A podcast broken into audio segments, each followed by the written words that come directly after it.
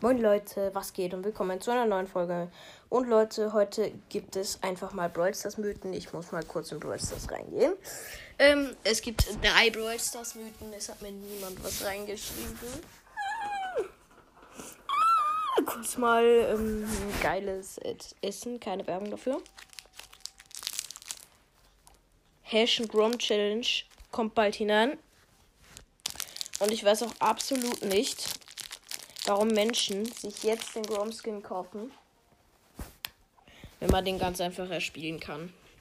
Ja, erste Mythe ist, wenn Sprout sich bewegt, dann ähm, kommen Fußstapfen, obwohl er sich, obwohl er gar keine Füße hat. Ähm, das wollen wir mal ausprobieren natürlich.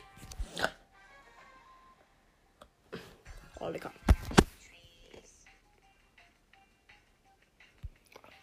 Hinterlässt keine Fußstapfen. Also, also Fußstapfen schon, aber keine Fußabdrücke. Ähm, aber das wundert mich nicht, weil er hat ja Räder. Und die berühren ja auch den Boden. Deshalb ist die Mythe zwar bestätigt, aber es ist auch eine logische Mythe, okay? Also, ähm, so mal halb bestätigt.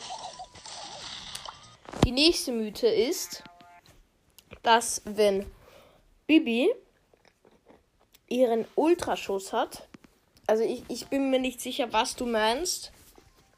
Also, dass sie dann die Gegner wegkickt. Oder dass ähm, sie ihre Ulti hat. Aber ich probiere einfach mal beides aus. Zuerst mal mit Ulti. Vom anderen weiß ich's. Bei ihrer Ulti ist es nicht. Bei ihrem ähm, Home Run Schuss, also wenn der Home Run aufgeladen ist, dann stimmt's. Also ich weiß nicht genau, was du gemeint hast. Aber beim Home Run ist es so. Also Home Run heißt die Star Power, wo sie schneller ist, die ich auch gerade ausgewählt habe. Aber ja. Ich denke mal, das meinst du, ne? Ja, dann wäre diese Mythe auch bestätigt. Und wenn Bull ähm, seine Ulti ähm, aktiviert, dann hat er Fußspuren. Ähm, dann hat er keine Fußspuren, meine ich. So.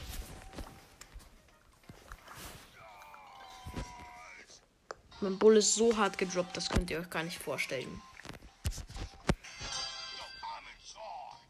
Kurz mal Ulti aufladen.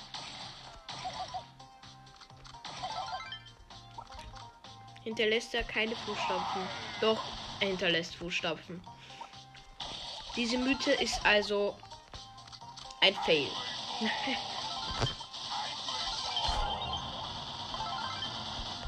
Welches Gadget vom Bull findet ihr besser? Weil sehr viele spielen in letzter Zeit mit das mit dem Heilen. Aber ich finde das sehr, sehr schlecht, muss ich sogar sagen. Ähm, aber diese Mythe ist auf jeden Fall nicht bestätigt. Sogar das Gegenteil von bestätigt, sondern abgestätigt.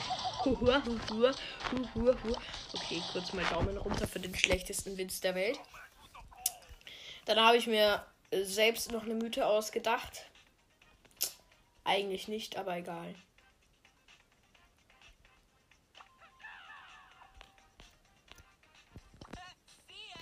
Ich habe mir gedacht, ich mache kurz eine Stufe im Brawl Pass.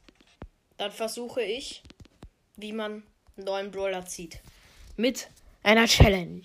Let's go. Bis gleich.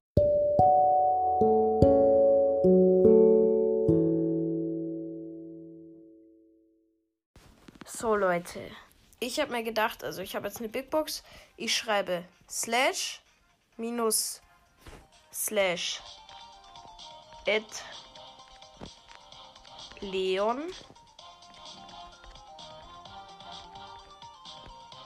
Beistrich from Big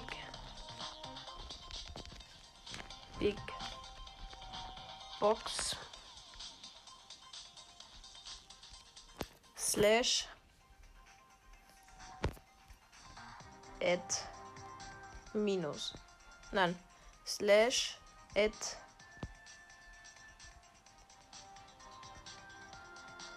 Slash it. Wo haben wir das Plus?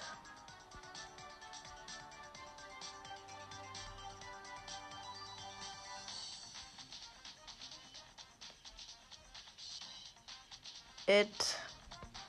Ja, das war's dann. Da kommen nur Sterne. Okay, krass. Dann gehe ich auf Häschen Grom. Efeu Banditen Bell. Auf jedes Angebot.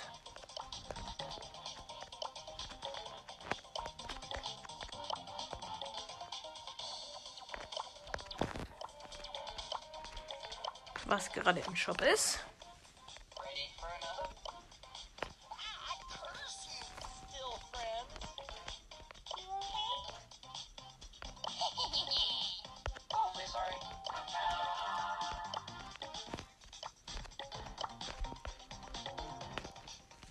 So, dann gehe ich auf Leon und probiere ihn für circa 5 Sekunden aus. Eins, zwei, drei, vier, fünf. Dann schalte ich ganz kurz das Internet aus und wieder ein. Jetzt öffne ich die Big Box. Es leckt.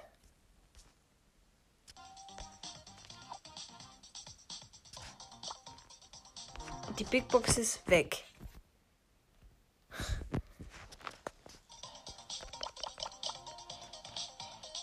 Leute, die ist einfach weg. Kein Scheiß oder so, die ist weg.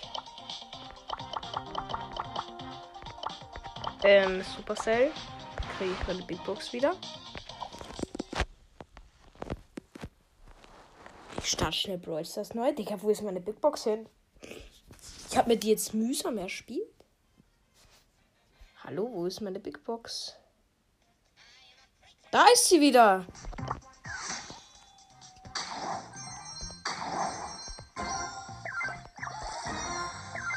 Und es hat logischerweise nicht funktioniert. War klar. Das war's mit dieser Folge und ciao, ciao.